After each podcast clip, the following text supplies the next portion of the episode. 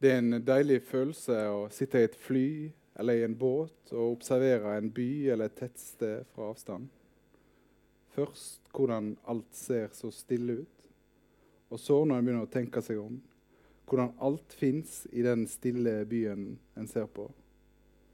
Ikke bare det at det er noen unge der, og noen som nærmer seg døden, men hvordan stedet sjøl har en fortid, hvordan det en gang har oppstått, og hvordan det skal strekke seg innover i framtida og bli noe helt annet, og før eller siden forsvinne. Uendelig mange tanker kan spinnes ut fra ett sted. Uendelig mange tanker kan spinnes ut fra ett liv. Parentes, trådene kan trekkes fra seg sjøl og helt tilbake til en fortid som nesten ikke engang fins. Parentes slutt. Uendelig mange tanker kan spinnes ut fra en annen tanke. En vilje til å være assosiativ er kanskje det som aller mest kjennetegner Erlend Nødtvedts poesi. En tanke fører til en annen, et sted glir over i et annet sted, eller noe som er sagt om et sted. Og noe som er sagt om et steg, over til noe som blir sagt om det å være menneske. Hos Nødtvedt blir en utforskelse av sitt eget opphav til en utforskelse av tid og dødelighet. Og dette assosiative språket krever en form som er flytende, som endrer seg etter hva den skal romme. Eller er det omvendt? Er det den flytende formen som må fylles av et assosiativt språk for å kunne holdes oppe? Svaret får vi kanskje i dag. Gi en varm applaus til Ellen Nødtvedt.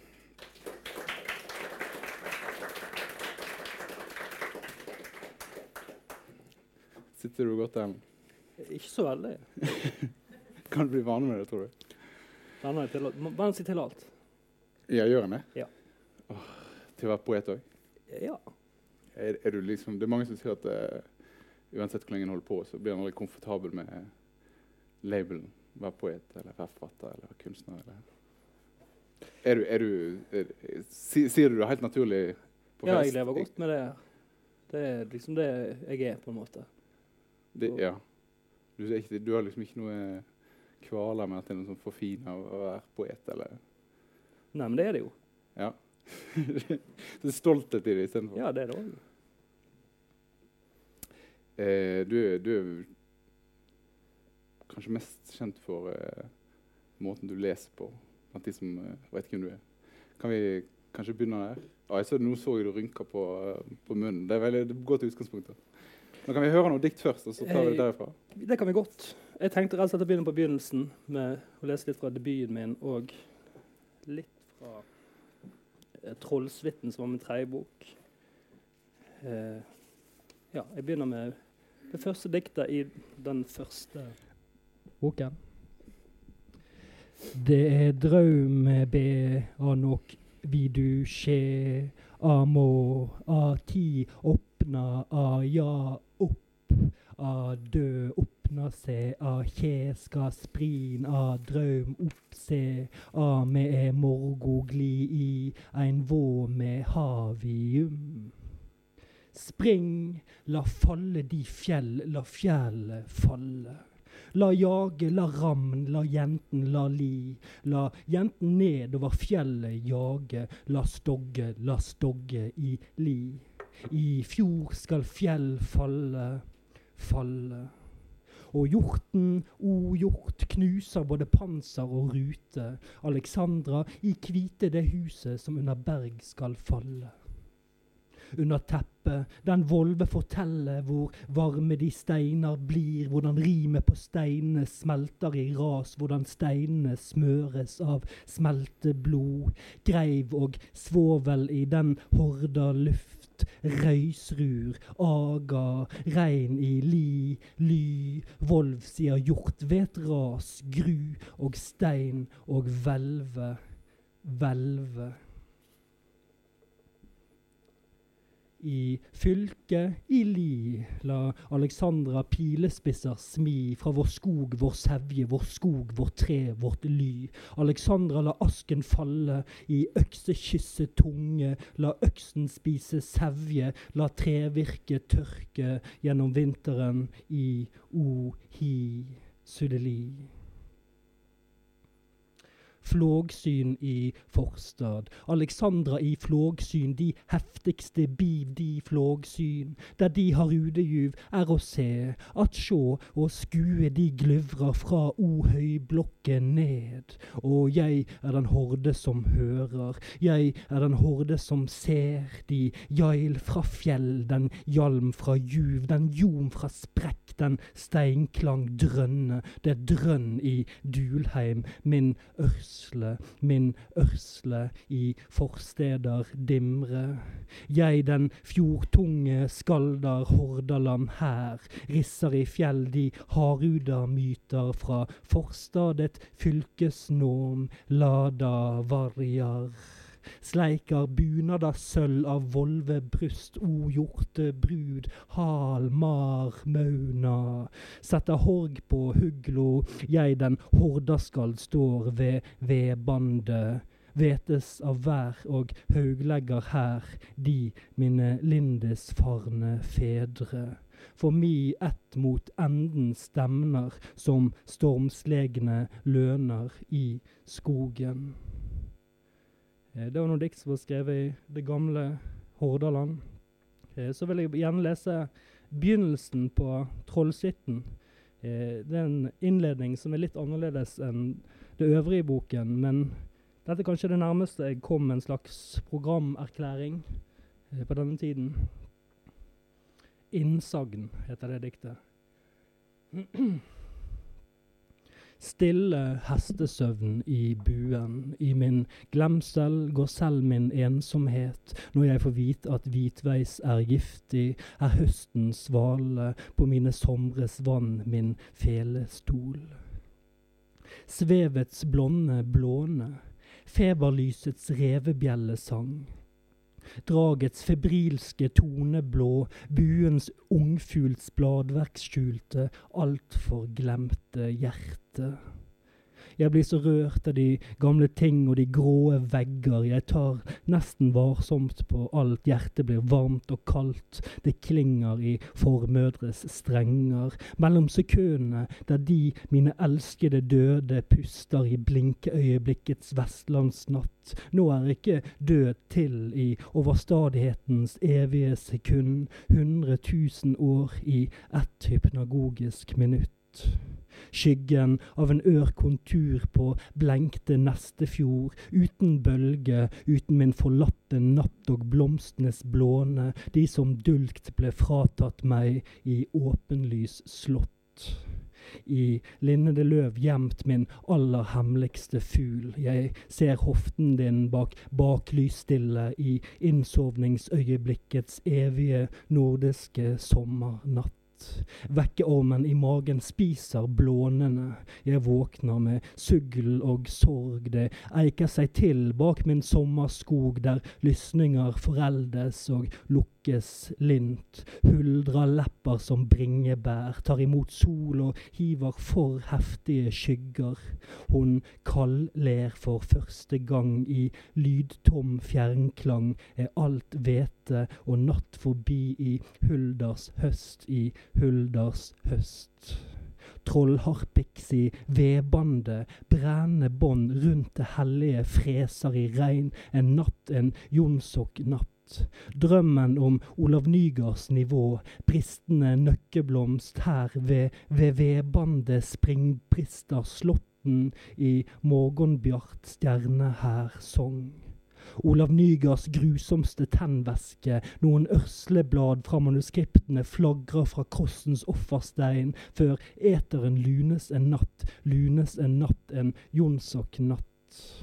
Olaf Nygaard står på tunet med brennende blad mellom hendene, med hodet vendt mot regnet der oppe Ildremser fra forkullede ark tar flukt, søker skyene, gnistrer til dråpene treffer og slukker, og alt faller. Fra neverpapir drypper det, ævedogg fra livsens tre det grønne. Jeg varmer meg over håndbålet som lyser i Olavs ansiktsruner, der drømmeævesmilet svømmer, der doggfallet legger seg, der lengslebiven gårdløst flerres av den svarteste, farligste fele.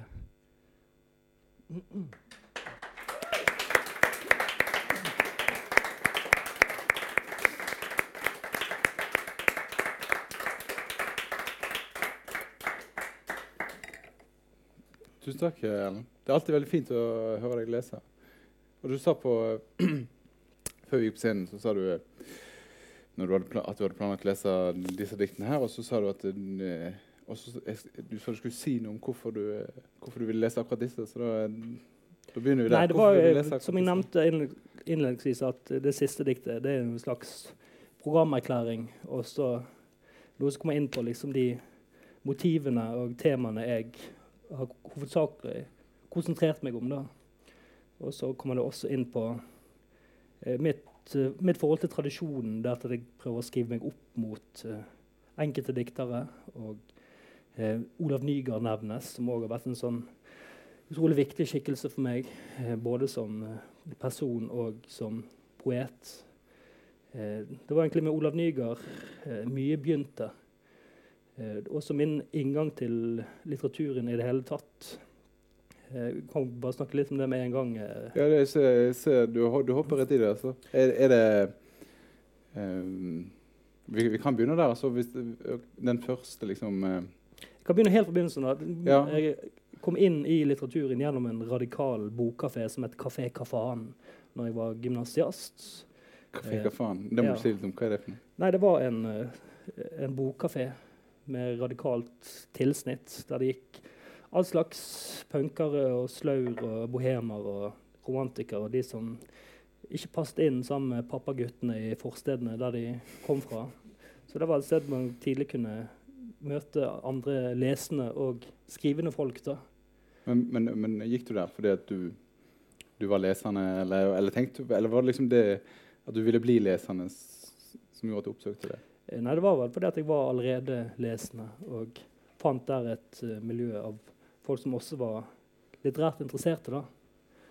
Eh, så det var egentlig der det begynte. Da, da begynte skrivingen, og vi lagde små egne forlag. og eh, Vi holdt, holdt, på da, og kom sakte, men sikkert inn i, inn i litteraturen, og også inn i det litterære miljøet i Bergen. Er det, er det, var det flere eh, som etter hvert er blitt uh, utgitt forfattere som, som, var der samtidig med deg på din alder eller på, i det miljøet? Eh, eller er det du som liksom Mange av de har sviktet og blitt akademikere og sånn. Altså, ja, det er verste. Eh, men eh, mange leste og skrivende. Og så var jeg også så vidt involvert i noe som het poeten.no, som var et sånn eh, nettsted der man skrev inn dikt og kommenterte hverandres tekster. Og da, Jeg gikk på ungdomsskole med eh, mange av Loddefjordbølgen. for Jeg gikk på ungdomsskole i Loddefjord. og Da var det mange av disse, spesielt Sturle Kvilekvals, vokalisten i Fjorden Baby, og litt eh, Andreo Amorin, som spilte trommer i Jon Olav Nilsen og gjengen. Eh, som skrev mye innpå der, da. Og de kjente jeg fra ungdomsskolen. Så de var også i en sånn, et, et skrivende fellesskap. Men det gikk, veldig, det gikk veldig fort egentlig fra en oppdaget det å lese bøker til at han tenkte at han skulle skrive? Ja, det skjer jo nokså umiddelbart. For det, lesingen avler jo skriving i mange tilfeller. Og så etter hvert så begynte vi liksom å egle oss litt inn på det liksom ekte litterære miljøet i Bergen. da, Bl.a. med opplesningene på Terminus, eh, som Thomas Espedal og Henrik Bergsvåg hadde initiert. Og så når jeg var 18 år, så plutselig befant jeg meg i, i baksetet på, i gammel bil som Thomas Espedal hadde, på vei til Modal for å gå på et Olav Nygaard-stevne, faktisk. Og da satt i bilen foran oss på vei til Modal. Der satt uh, Yngve Pedersen og Øyvind Odland og Vemund Solheim Odland. Eh, så da fikk jeg liksom alle på rett i trynet. da. Alle de aller eh, fineste poetene og forfatterne rett i trynet på et uh, Olav Nygaard-seminar. så det var jo helt, helt sånn magisk.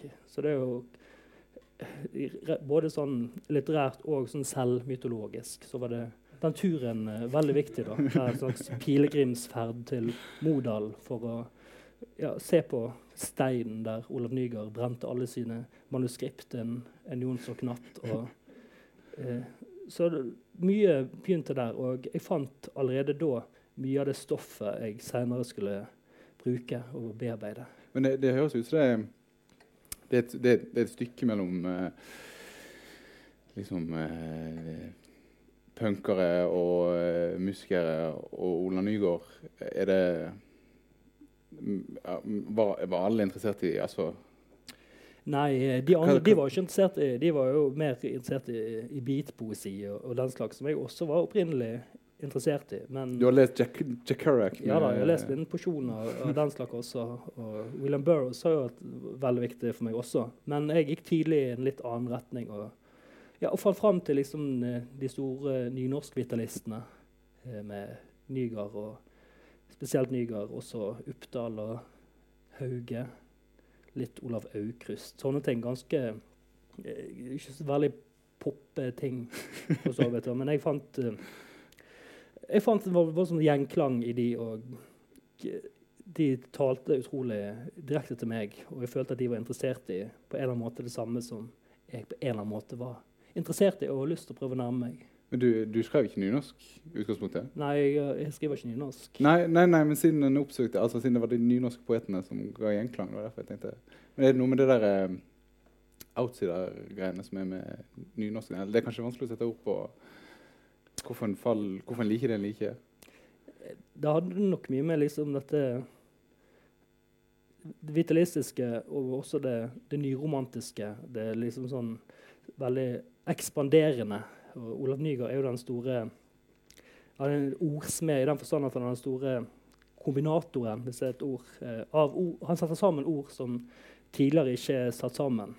Det er jo liksom noen av det, det norske språket sin forse, dette at man kan eh, sette sammen ord, og at de eh, fremdeles forblir ekte ord. Da. Så det- jeg følte liksom at de hadde noen av denne vergelandske arven som var stor og voldsom og romantisk, og med voldsomme sjelekast. Og ja, det var noe med det, det stemningsleiet de, de var i. Det er litt sånn halv- og ofte helekstatiske, som selvfølgelig tiltrekker en, en ung, søkende mann. Ja, er det selvfølgelig? Vi havner jo ikke borti Olav og alle sammen. Nei, men det var noe med, med de temperamentene eh, jeg, jeg så der, som jeg kjente meg igjen i. da. Dette var mine folk. Dette her er folk som er interessert i det samme som meg, og som skriver på måter som jeg òg ønsker å prøve å skrive på. Jeg, jeg, er- uten at jeg er en stor Nygaard-kjenner, så du skriver, dere skriver ikke dere skriver ikke likt. Men jeg husker jo sjøl når en begynner å skrive, så, eh, så skriver en jo eh, nesten sånne eh, pastisjer ufrivillig, da.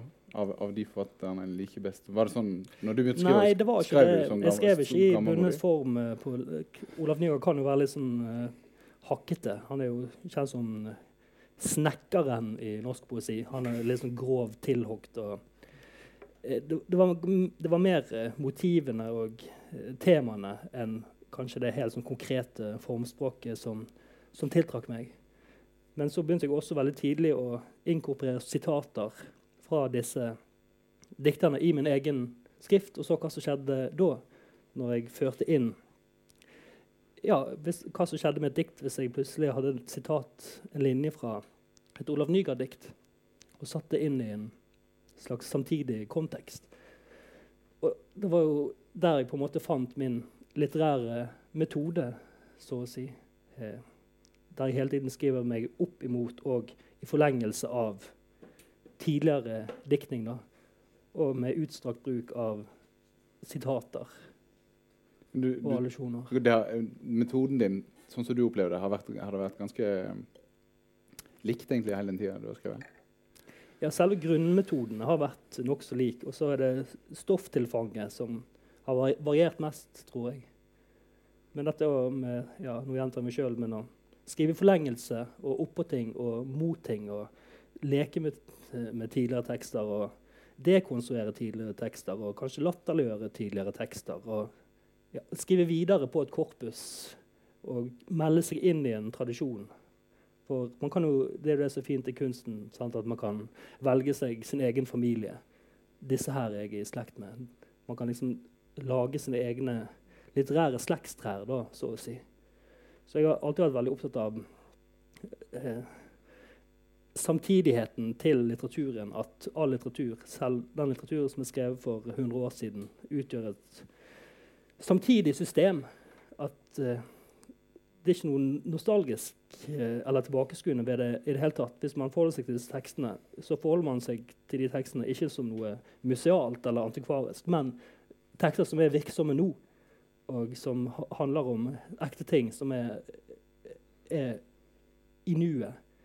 Så ja, den fortidens samtidighet, det har jeg vært uh, opptatt av. At litteraturen utgjør et nåtidig system.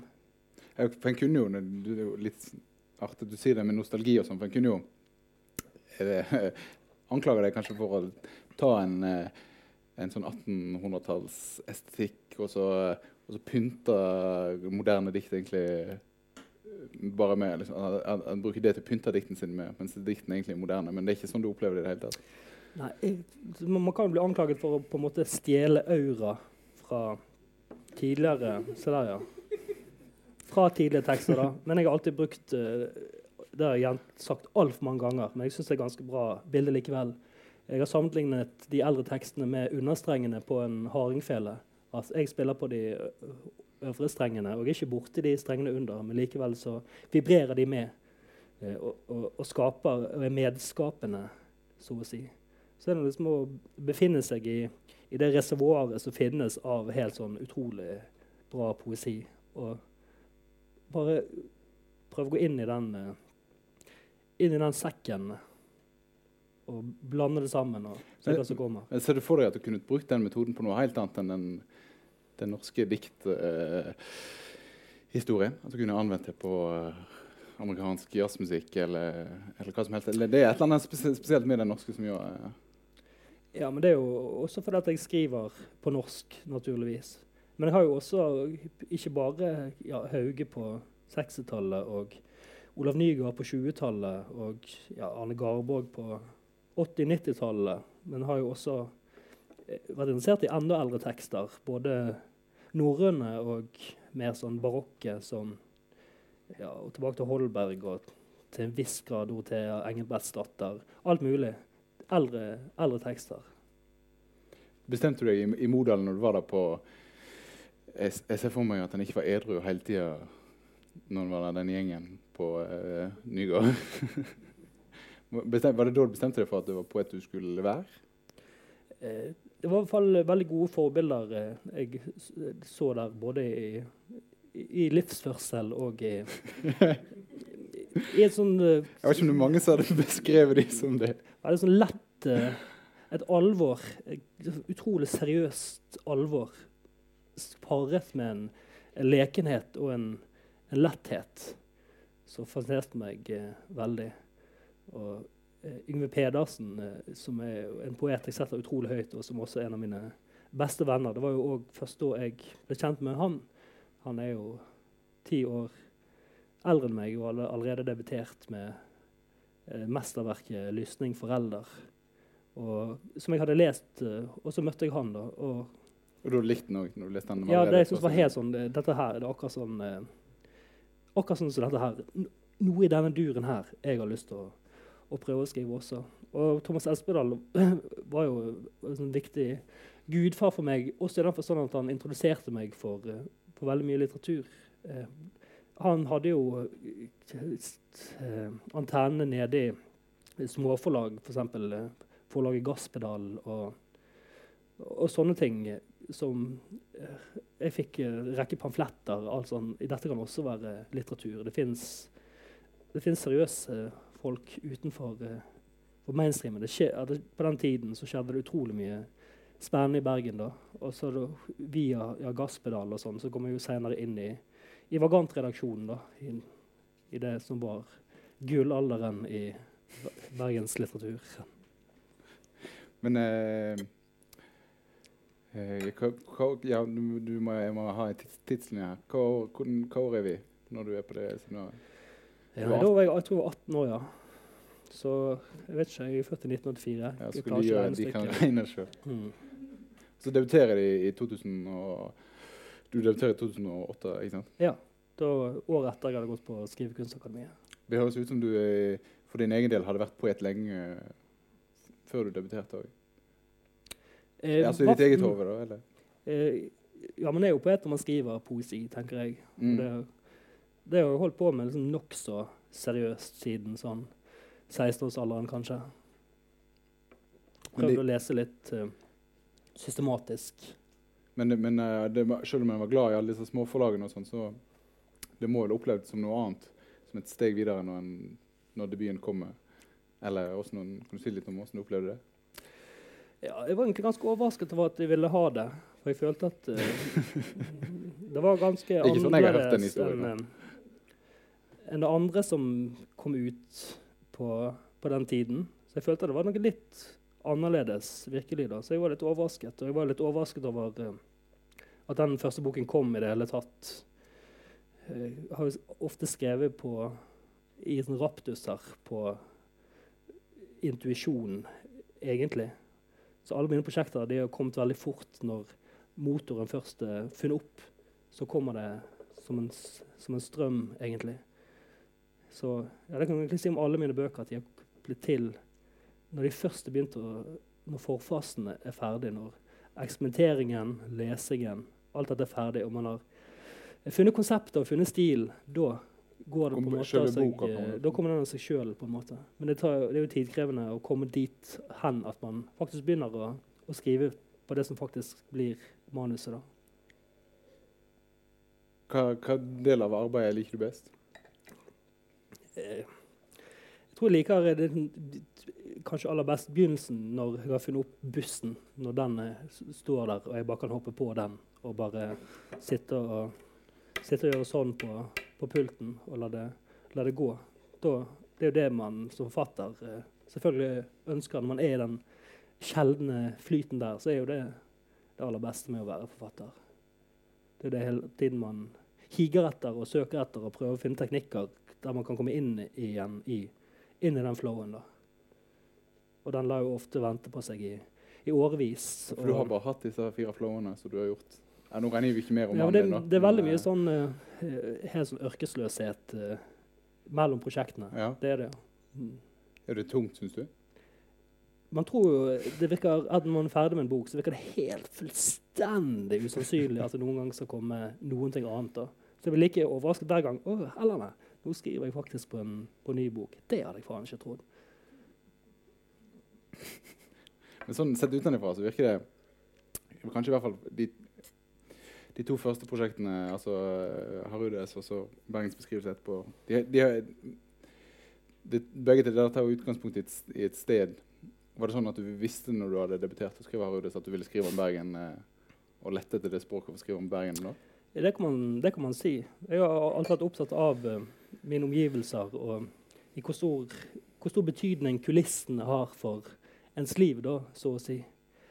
Eh, så, og den eh, debutboken min, 'Harudes', da var jeg jo veldig ung. Og da var, frem, da var jeg fremdeles i kontakt med eh, barndommens og ungdommens store, voldsomme stemninger. Da Da var jeg fremdeles ikke jeg, så blir- man jo gradvis mer og mer forstokket. Og eh, det blir lenger og lenger frem eh, eller tilbake eh, til, de, til de stemningene man ønsker å, å beskrive, da, så å si. Eh, jeg har jo min, liksom, mine beste stunder betraktet meg sjøl som en slags eh, stemningskunstner. At det jeg aller helst har lyst til å få til, det er å påkalle noen av de voldsomme det voldsomme stemningslivet eh, man hadde i, i ungdommen, eh, kanskje, og i, i tidlig manndom. og så blir man som sagt eh, mer og mer ja, forstokket. og det blir fjernere og fjernere for en. Blir mindre og mindre i kontakt med ja, kanskje med det, det jeg tror er kanskje er det egentlige. da. Det som, er, det som en opplever i ungdomstida. Det, det, de der, Ja, det som en kanskje kjenner på mest. Ja. Der alt er så utrolig ladet og, og mettet. Det er en helt, helt sånn egen meningsfylde da, som man nå bare får tak i akkurat det sekundet man sovner på sofaen, og så våkner man. Men rett før så er man i kontakt med noen av de samme tingene. Og det er jo der inn man vil. Og, ja, jeg har prøvd de mest sinnssyke ting for å prøve å komme inn i en bl.a. hypnose. Det, det hjalp ikke så bra. Ja, det må du fortelle om. Eh, Nei, jeg bare gikk til hypnose. Kan jeg bare jeg, gå- Jeg, kan jeg ga til bare en, eh, gikk finne en hypnotisør? Bergen. Ja, det her er hypnoterapeut Olaug Taklo eh, i, eh, i Strandgaten. 3000 kroner timen. og så går man inn til henne og eh, jeg har lyst til å komme, i tak, komme bedre i kontakt med underbevisstheten min. Kan du fikse det, eller? Ja da, ta plass. eh. Eh, nei, men så Og så, dingler de foran øynene dine i klokka, eller åssen gjør de? Nei, jeg, jeg, ble jo hypnotisert, og det er ikke tvil om det. Jeg Nei. falt i en slags transe. Eh, hun, liksom, hun gjør sånn kontroll. Eh, hun sier til deg når man er hypnotisert ja, nå skal du prøve alt du kan, og du har øynene igjen. Nå skal du prøve alt du kan. Nå, ikke tull. Bare nå skal du prøve å sperre opp øynene. Gjør det. 1, 2, 3. Sperr opp øynene. Men du kommer ikke til å klare det. Altså, klart jeg klarer det, men nei. Jeg klarer det faktisk ikke. Jeg får ikke opp øynene. Det var en ganske spesiell opplevelse. Men jeg, jeg vet ikke om det Men til ingen nytte? Eh, Jeg vet ikke om det forløste skrivingen, men kanskje det gjorde det også. Det bidro kanskje til det. Men den eh, bergensboken, da, da hadde jeg liksom tatt for meg eh, den mytiske størrelsen Hordaland. Og da tenkte jeg at eh, da ville jeg enda tettere på mine egne konkrete kulisser, nemlig Bergen. Eh, og da fant jeg tidlig et Jeg vet ikke om det uttales sujett eller sujett. Eh, Skal jeg fortelle i de faktisk tittelen som kom først, da, for den Bergens beskrivelse, det er jo en tittel som er blitt brukt mange ganger av mange forskjellige forfattere opp gjennom tidene. Bl.a. Ludvig Holberg og eh, Edvard Edvardsen og en, en rekke andre. da. Så da fant jeg eh, en form, og så begynte jeg å lese disse tekstene. Jeg føler som livet mitt har vært en kamp, for å, kamp med og mot gotiske bokstaver, egentlig. Men, Eh, men da, da begynte jeg for eksempel, jeg tok utgangspunkt i Holberg sin kapittelinndelinger. Og så tok jeg det derfra, da. Men når jeg leser den nå, så da følte jeg, På den tiden så var jeg og, følte jeg meg litt identifiserte jeg meg litt med den Loddefjord-bølgen òg. Da jeg, jeg Noe som du tar avstand til nå, eller? ja, nå er jeg ikke så interessert i Men da var jeg interessert i, i hvordan de liksom brukte vårt dagligspråk kunstnerisk da. Eh, Jeg konfirmerte meg og spilte på fyllingen med Store P, f.eks. Og var interessert i, i det miljøet og eh, og syntes liksom det Fjorden-baby og sånn fikk til, var, var veldig kult. da. Eh, Så jeg følte meg som en del av den bølgen. Og på en måte, nå vil jeg prøve å se om vi kan lage noe poesi ut av, ut av det. Men eh, det ble ganske sånn, man ser i ettertid, så er det sånn Det er ikke lurt å kombinere kjærlighetssorg og alkohol og uh, sånn historisk-filologiske interesser. Det er altså en dårlig idé, ser jeg da. Men uh, for meg er det just et artig tidsdokument, uh, først og fremst, kanskje. Men når du sier at du er en dårlig altså, synes, Liker du ikke den boka lenger? Eh, jeg syns Han er jo litt rar og stilig og eh, det er jo, han, han får jo til noe med å liksom lage et, et helhetlig konsept og et uh, blandingsspråk som er litt interessant. Men det er noe også litt sånn puerilt ved den boken. da. Men jeg, jeg, synes, jeg, jeg leste den boka gjennom på nytt i dag, og jeg, for det første så, eh, Den er nok definitivt den mest sånn, uh, ungdommelige i katalogen din. Men òg mer enn noe annet så virker den som uh, Det gir litt mening når du sier dette med Raptusen. Det virker som Raptusen var enda kortere, kanskje der, da. For den er bare så ekstremt full i Ja, Men jeg var også ekstremt full når jeg skrev den. Var du det? Jeg var ganske ute å kjøre på den tiden, egentlig.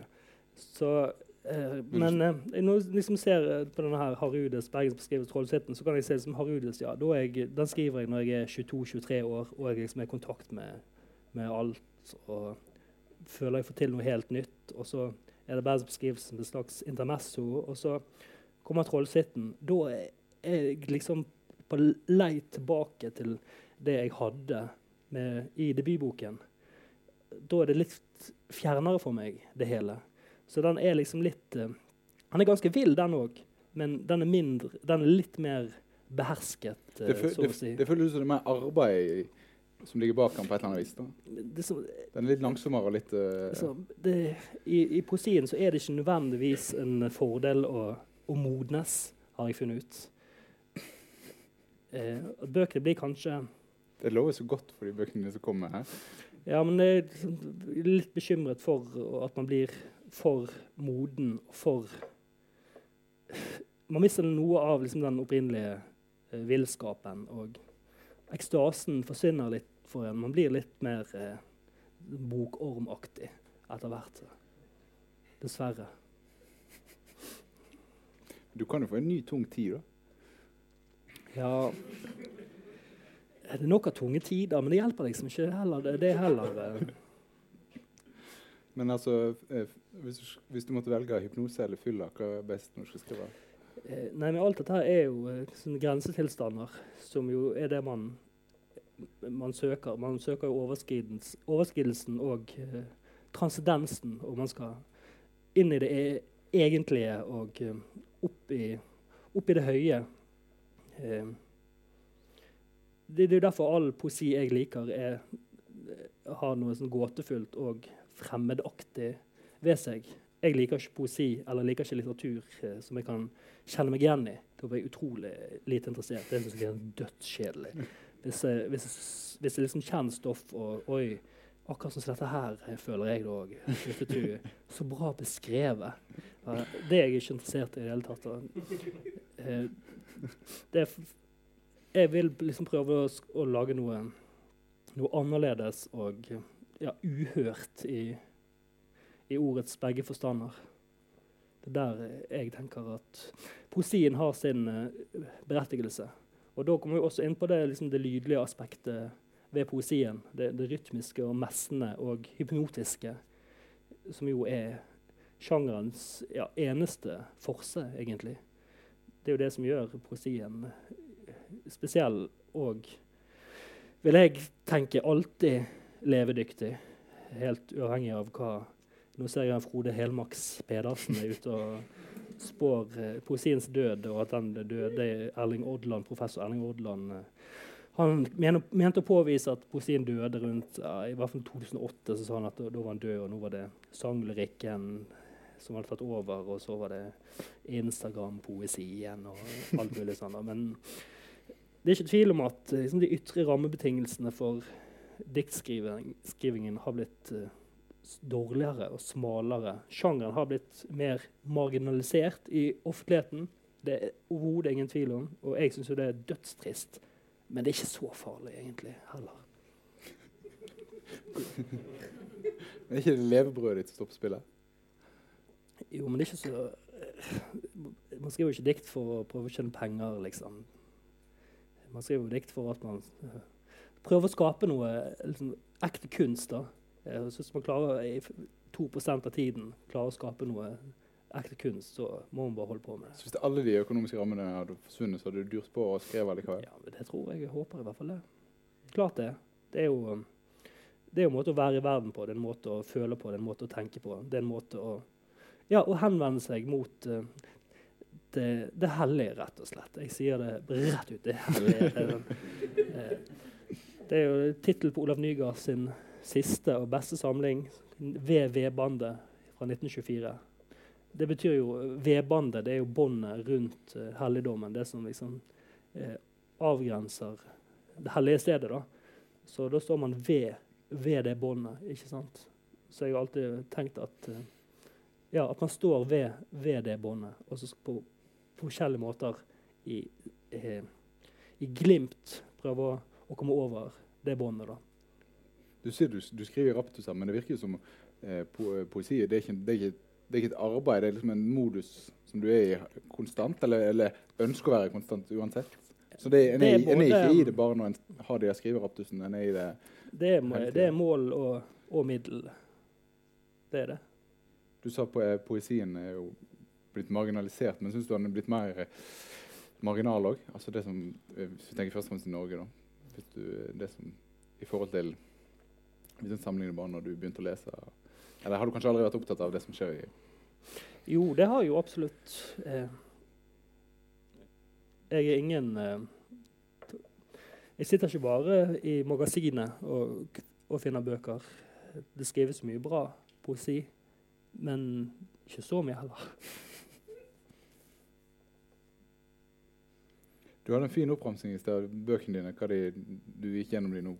Men eh, du, du sa ingenting om den siste. Kanskje vi kan si litt om den, den som heter 'Slekter'? Altså, da- Ja. hvordan, uh, den er jo fremdeles ganske fersk, den kom ut uh, i høst. Mm. Hvordan, uh, hva tenker du om den når du ser den liggende foran deg nå? Mm. Den er jo litt mer Kanskje litt mer tenkt da enn de andre diktsamlingene mine. Begynner å bli gammel. Hvor gammel er du igjen? eh, 35. Men det er et stykke unna, håper jeg, da, liksom vis, vismannslitteraturen. Eh, det er jo en diktsamling som i høyeste grad er konseptuell og eksperimenterende. Men, eh, og jeg tenker òg at han har, eh, er litt mer tilgjengelig i den forstand at han eh, berører temaer som de fleste kunne være interessert i, tenker jeg. Med, med slekter og, Ja, og minne og forgjengelighet og, og det hele. For det, det, det er jo en bok som tar utgangspunkt i min egen slektsgranskning, som jeg har holdt på med som en annen pensjonist. Men eh, jeg innså tidlig at det hadde et eh, litterært uh, potensial. At det var Men det var ikke veldig- derfor du begynte med? Det for, for å bruke det litt rett? Nei, det, det begynte jo med å være rett og slett interessert i ja, hvor var det oldefar bodde, hva var det han holdt på med. Og så gikk det derfra og videre. Men uh, når jeg fortsatte med det, og ble liksom veldig glad i, i kildene i kirkebøkene og matriklene og bygdebøkene og, og det som er, så så jeg at dette var utrolig litterært uh, stoff. Det er små uh, det ja, bare et navn og et års, årstall. Født, død. Det er liksom eh, en innførsel i en, eh, i en bygdebok som på en måte rommer et helt liv. Og så skal man jo heller ikke glemme at uh, slektstavlen er jo en av urformene i, i litteraturen. Ja, fra, fra Mosebøkene til ja, Eddadiktningen og eh, sagadiktningen. Ja, oppramsingen av uh, slektstavler det er en av uh, den tidligste formen vi har for litteratur. Så det var også et, et ønske om å ja, gå, inn i, gå inn i det også. Det er jo, det er jo eh, Når du beskriver den, så er det sikkert mange som tenker på Dag Solstad sin uh, uoppløselige element. Mm. Jeg mener at Dette er den boka han, uh, han skulle ønske han skrev. Ja, jeg, men jeg var veldig imponert og dypt fascinert av den telemarksromanen til Dag Solstad. Eh, bare kraften i oppramsing av navn og årstall skal man ikke undervurdere, tenker jeg. neste etter.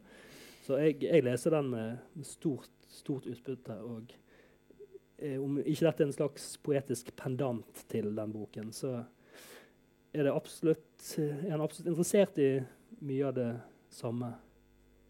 Så det er ikke sikkert at denne boken hadde kommet til hadde ikke vært for den boken. Kanskje, kanskje ikke. Han har i hvert fall blitt eh, litt annerledes, da.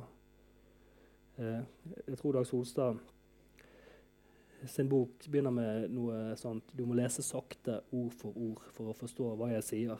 Men jeg har skrevet du må lese fortere for å forstå hva jeg sier i denne boken. Er du, eh, vi begynte jo med å si litt om opplesningsformen din. Tenker du at i, hva grad tenker du at den er knytt til det som står i, står i bøkene? Tenker du at når, når de som sitter hjemme og leser, de bør helst lese den sånn som du ville lest, lese den opp? Eh, Det legger jeg ikke meg opp i. Jeg les, men når jeg leser eh, eh, Jeg har jo alt, vært opptatt av opplesningsformen og det som en slags egen sjanger, da. Eh, som er noe annet enn bare det som står i, i boksidene. At ideelt sett så skal en opplesning ha en slags selvverdi, og ikke bare være en slags henvisning eller en hilsen til en allerede foreliggende bok. Og så har jeg også lest opp ganske mye med, med musikere og, og sånt. Så jeg er jo generelt sett opptatt av det ja, som tidligere nevnt, det musiske og det lyriske ved, ved litteraturen. Det er jo eh, noe som veldig ofte blir trukket fram når en snakker om din poesi, den opplesningsformen din. Eh, er det noe du sjøl eh, altså, Hva forhold har du til det? Er det, har du, er, har du, er det noe du har jobba fram, eller er det noe som kommer av seg sjøl, eller? Ja, det, det er òg en ganske intuitiv greie. Det er ikke sånn uh, Det er ikke en forfatter som du har sett, og så har du tenkt det det, det, er, det, det er det sikkert, da. Men um, det har det har bedret seg betraktelig. På ti år når jeg debuterte, så var det svært mange svært få som var gode opplesere. Det var mye dårlige, kjedelige opplesninger. Og jeg har sånn akutt opplesnings-ADHD. At jeg bare soner ut etter ett minutt jeg, hvis jeg ikke blir fanget på et eller annet. Men nå har jo folk begynt å ta det litt mer, mer seriøst og ja, som jeg sier, liksom betrakte det som en, som en egen sjanger, nesten. da. Så det har jo blitt mye bedre. og det finnes mange En opplesning kan være veldig interessant, synes jeg. da. Men det er ikke sånn at jeg står og øver foran speilet. Man skal jo egentlig på en måte unngå liksom det eh, teatralske og, og skuespilleraktige. Det er jo noe man, man frykter. Ikke sant? Ja, er det det? Jeg måtte tenke meg om. Er det for du Jeg kunne jo vært uh jeg kunne jo beskrevet sånn som du leste opp som teatralsk. Men jeg, ville ja, Jeg er opptatt de, av at uh, det, er ikke, det er ikke ren tekst man formidler. Man har alltid en kropp og en stemme, og det kommer man ikke fra likevel. da. Og det føler jeg at før uh, var det litt mer sånn at man bare skulle formidle en, en ren tekst, og at uh, personen og personens kropp og, og stemme og tunge sto i veien. Uh, men da tenker jeg, da kan man like godt dele ut en stensil på en måte. Ja, for det, jeg tenker nettopp veldig ofte når en ser de, de vanlige opplesningene, eller hva en skal si, eh, som du snakker om de kjedelige, så er det sånn eh, en slags øvelse i å være mest mulig autentisk. At en skal, en, det er jo ingen som, selv om en har lest tekstene sine 40 000 ganger, så, så har han med boka opp for å liksom vise at det er ikke noe som en finner på på spot. Eller det er liksom. Hvis en kan det utenat, så kommer det noe teatralsk. Og hvis en leser høyt og lavt med toneleie, så er det noe teatralsk. Så jeg har alltid tenkt at de kjedelige Nett det samme som du sier, egentlig, men at de kjedelige opplesningene er nettopp sånn fordi at folk vil ikke fremstå teatralske, men fremstå autentiske. Eller ja, men det gjelder jo ikke å være for selvbevisst, rett og slett. Ja, kanskje. Du skal få lov å lese helt på slutten, men uh, jeg, jeg, vil bare si det at du har, du har malt et dystert bilde og blir 35 uh, her i dag og kommet langt unna følelsene sine og blir gammel mann. Og sånn. Men jeg, jeg, jeg, og jeg liker alle bøkene dine, altså, virkelig, men jeg, jeg syns det er noe mer enn i noen av de andre bøkene, så er det liksom nettopp det der eh, emosjonelle som kommer fram i den siste boka. Da, så det, jeg tror ikke det er så gale som du skal til. Nei, men uh, det er en modenhet som både er døll og ja, forhåpentligvis ikke bare døll. Du, må, jo, du, sa det at eh, en skriver for å komme tilbake til denne uh, ungdomsfølelsesgreia. Altså, men er det for din egen del, eller for det er den som leser og lytter, du tenkte på? da? Nei, jeg kan bare tenke på meg, meg sjøl. Ja. Men jeg prøver jo å, å formidle noen av ja, de det, det, det stemningstette og en, liksom en, slags stor merkelig meningsfylde, da. Noen farger og, og, klanger som ikke er der i, i hverdagen. Jeg, eh, jeg, tror jeg skal sende deg bort til mikrofonen. Ja. Da avslutter vi med å lese litt fra denne boken som heter 'Slekter'. Kanskje bare ta av denne her, da. Det, det gjør du.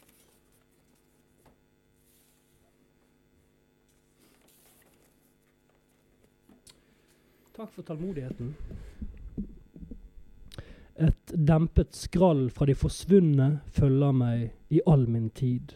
Den agnatiske og kognatiske ascendens, sverd og spinnesidens henfaring, probantens rotpreludium, forflammens etterlevninger i blodet. Cellene som forbinder min levende substans med mine forgjengere. Barnet ble båret frem av barnet, barnet skal bære barnet frem. Jeg har båret barnet frem.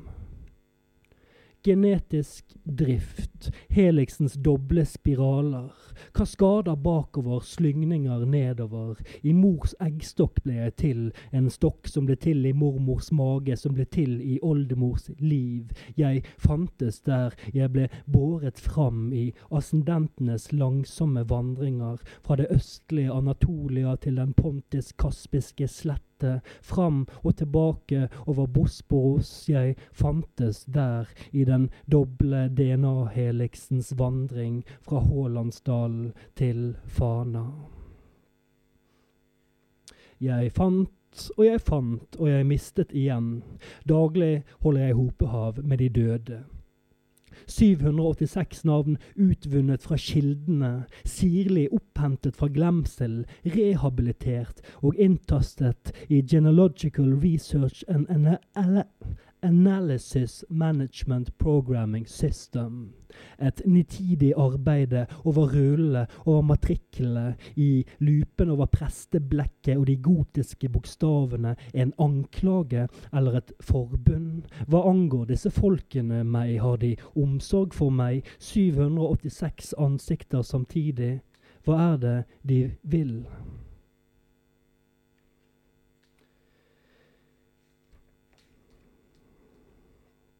Jeg skal be og ofre til Torjer Hølgabrud. Jeg skal markere de døde sted med en støtte i stein eller tre ved høysetet. En støtte ved gravhaugen. Gudekult begynner der fedrekult opphører. Jeg skal dekke til de døde. Skal jeg holde samspising med dem? Skal jeg drikke minne ved haugen? Skal jeg danse og spille for å more de døde? Skal jeg henfalle til nekromanti og spiritisme?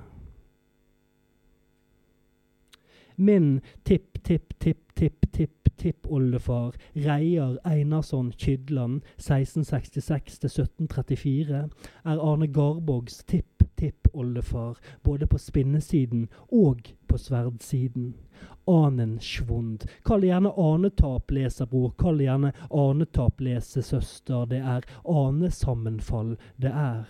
O hellige Implex, kom, la oss feire sammenfallet. La oss besynge vårt slektskap. La oss utvinne DNA-et fra de som dekket de sammenkrøkede ascendentskjelettene våre med rød oker. La oss hylle konsestoren. Sitt med meg, kjære, og pugg formelen til matematikeren Josef Chang, som viser at det bare er 3400 år siden et menneske levde, som alle vi nålevende nedstammer så nålevende fra. Batait Farsaid har bind for øynene og lyskekrampe. Skyternes konge hofter tre glippestøt mot favntakslutten. Oppfatter han hoppeskiftet, merker han at hun bytter plass med en ukjent frille og sniker seg under teltduken. Hører fra avstand hikste fra han som stormet Ninive. I uventet farm stokkes DNA-et på nytt. Han er en kentaur, for grekerne har aldri før sett en rytter før skyternes komme. Et stort folk bryter opp fra jordens ytterste ende. Bue og spyd holder de i hånden. De har vogner kledd i filt bygget som hus med fire eller seks hjul. Vognene trukket av okser, vognene tilholdssted for kvenen. Nå bryter de ut fra Arsaret, nå krysser de elven Araxes og sprer genomet utover den trekløyvde jordvidden. Nå setter sønnen seg i vognen, på vei til barnehagen triller vi forbi det store trehuset i Breistølsveien, der tippoldeforeldrene en gang bodde. Jeg har et sovende minne om min klokkebegerslekts møte med min snorkeramikkslekts møte med min katakombegravslekt nord for Svartehavet. Vi etterlater oss fornemme beingrinder på odden der druene henger, sammenkrøkede skjeletter dekket med rød oker, en flokete oppfordring om å sammenligne ordene for Gud, far, mor, sønn, datter på keltisk, germansk, tokarisk, armensk, gresk, latin og sanskrit. Jeg fører arv. Forteller min sønn om slektens vandring fra Olduvai-kløften, én mil i året i tusen år, som jeg hørte fra foreldrene, som hadde det fra foreldrene, som hadde det fra foreldrene. I slekten vår gjør vi det på Dnipar-Donetsk-måten, på ertebøllemåten. Vår kultur er traktbegerkulturen, vi er nøstvett- og lihult-kulturen, vi er kukuteni-kulturen, vi er narva-kulturen, vi er kama-kultur, sjulavera, sjomo-kultur, gjengelkultur og røsten-kultur og baden-kultur og vartberg-kultur og Hallstatt-kultur og Komsa-kultur og opplandet Fosna-kultur, slik at sønnen forstår at europeeren er en ond myte, slik at sønnen forstår at det finnes ikke slekter, det finnes kun én slekt. Gjentatt seg på Kvinneklinikken i Bergen like etter forløsning, gjentatt seg på Haugesund sykehus like etter forløsning, gjentatt seg i sengen over skomakerverkstedet i Mandal like etter forløsning, gjentatt seg i våningshuset på Snik like etter forløsning, gjentatt seg på et leie av strå og gress under helleren like etter forløsning. Dette dette har gjentatt seg mot brystet, barnet. Dette har gjentatt seg gang på gang. Avstand avskaffet. Avstanden skal avskaffes. Når senkerepkrokene avhektes kisten, er avstanden avskaffet. Filiasjonsbeviset lar seg ikke brenne. Jeg hersker ikke alene i interregnumet, i bindestrekslivet mellom mine skjebnedatoer. Konstant forvirrer opphavet, tåker og stokker om blodet. Jeg er bare ledd, jeg skal bli rot, jeg har vært med fra begynnelsen, jeg blir med inn i slutten. Ekspansjonsepoken, ødeleggelsesepoken, kulturens avtrykk i genomet, forflammens videreførsel, det ufødte ventende. Vårhagen ligger grønn og frisk, og jorden er allerede for tung av døde slekter. Hodie mihi kras tibi, i dag meg, i morgen deg. O Pronepos, barnebarns barn. Når du ved en sjelden ettertenksomhet, to ganger i løpet av livet kanskje, snur deg og ser mot treet, skal jeg sitte på greinen, holde mitt navn, mine årstall frem for deg og vende meg vekk en fremfaren epigon. Jeg er den som ikke nådde din tid. Den rastløse bekymringen for ettermælets varighet, en utdatert forfengelighet, en anakronistisk dårskap. Jeg har gått foran og blitt ascendent, nu i Herren hensovende med ferdig utfylt parentes. La meg likevel henge alvorlig på veggen i tre generasjoner. På baksiden av fotografiet mitt uleseligere navn. Tipp, tipp, tippoldebarnet til min to år gamle sønn til minne.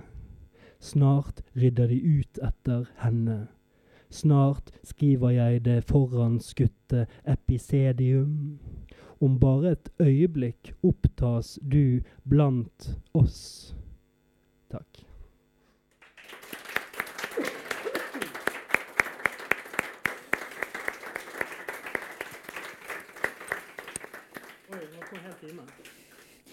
Eh, til slutt vil jeg bare si at Lyrikksalongen eh, vi er et uavhengig, en uavhengig arrangementsserie her på Litteraturhuset i Bergen. Vi er sponsa av Litteraturhuset i Bergen, av eh, Bergen kommune og Vestland fylkeskommune, eller hva det heter nå.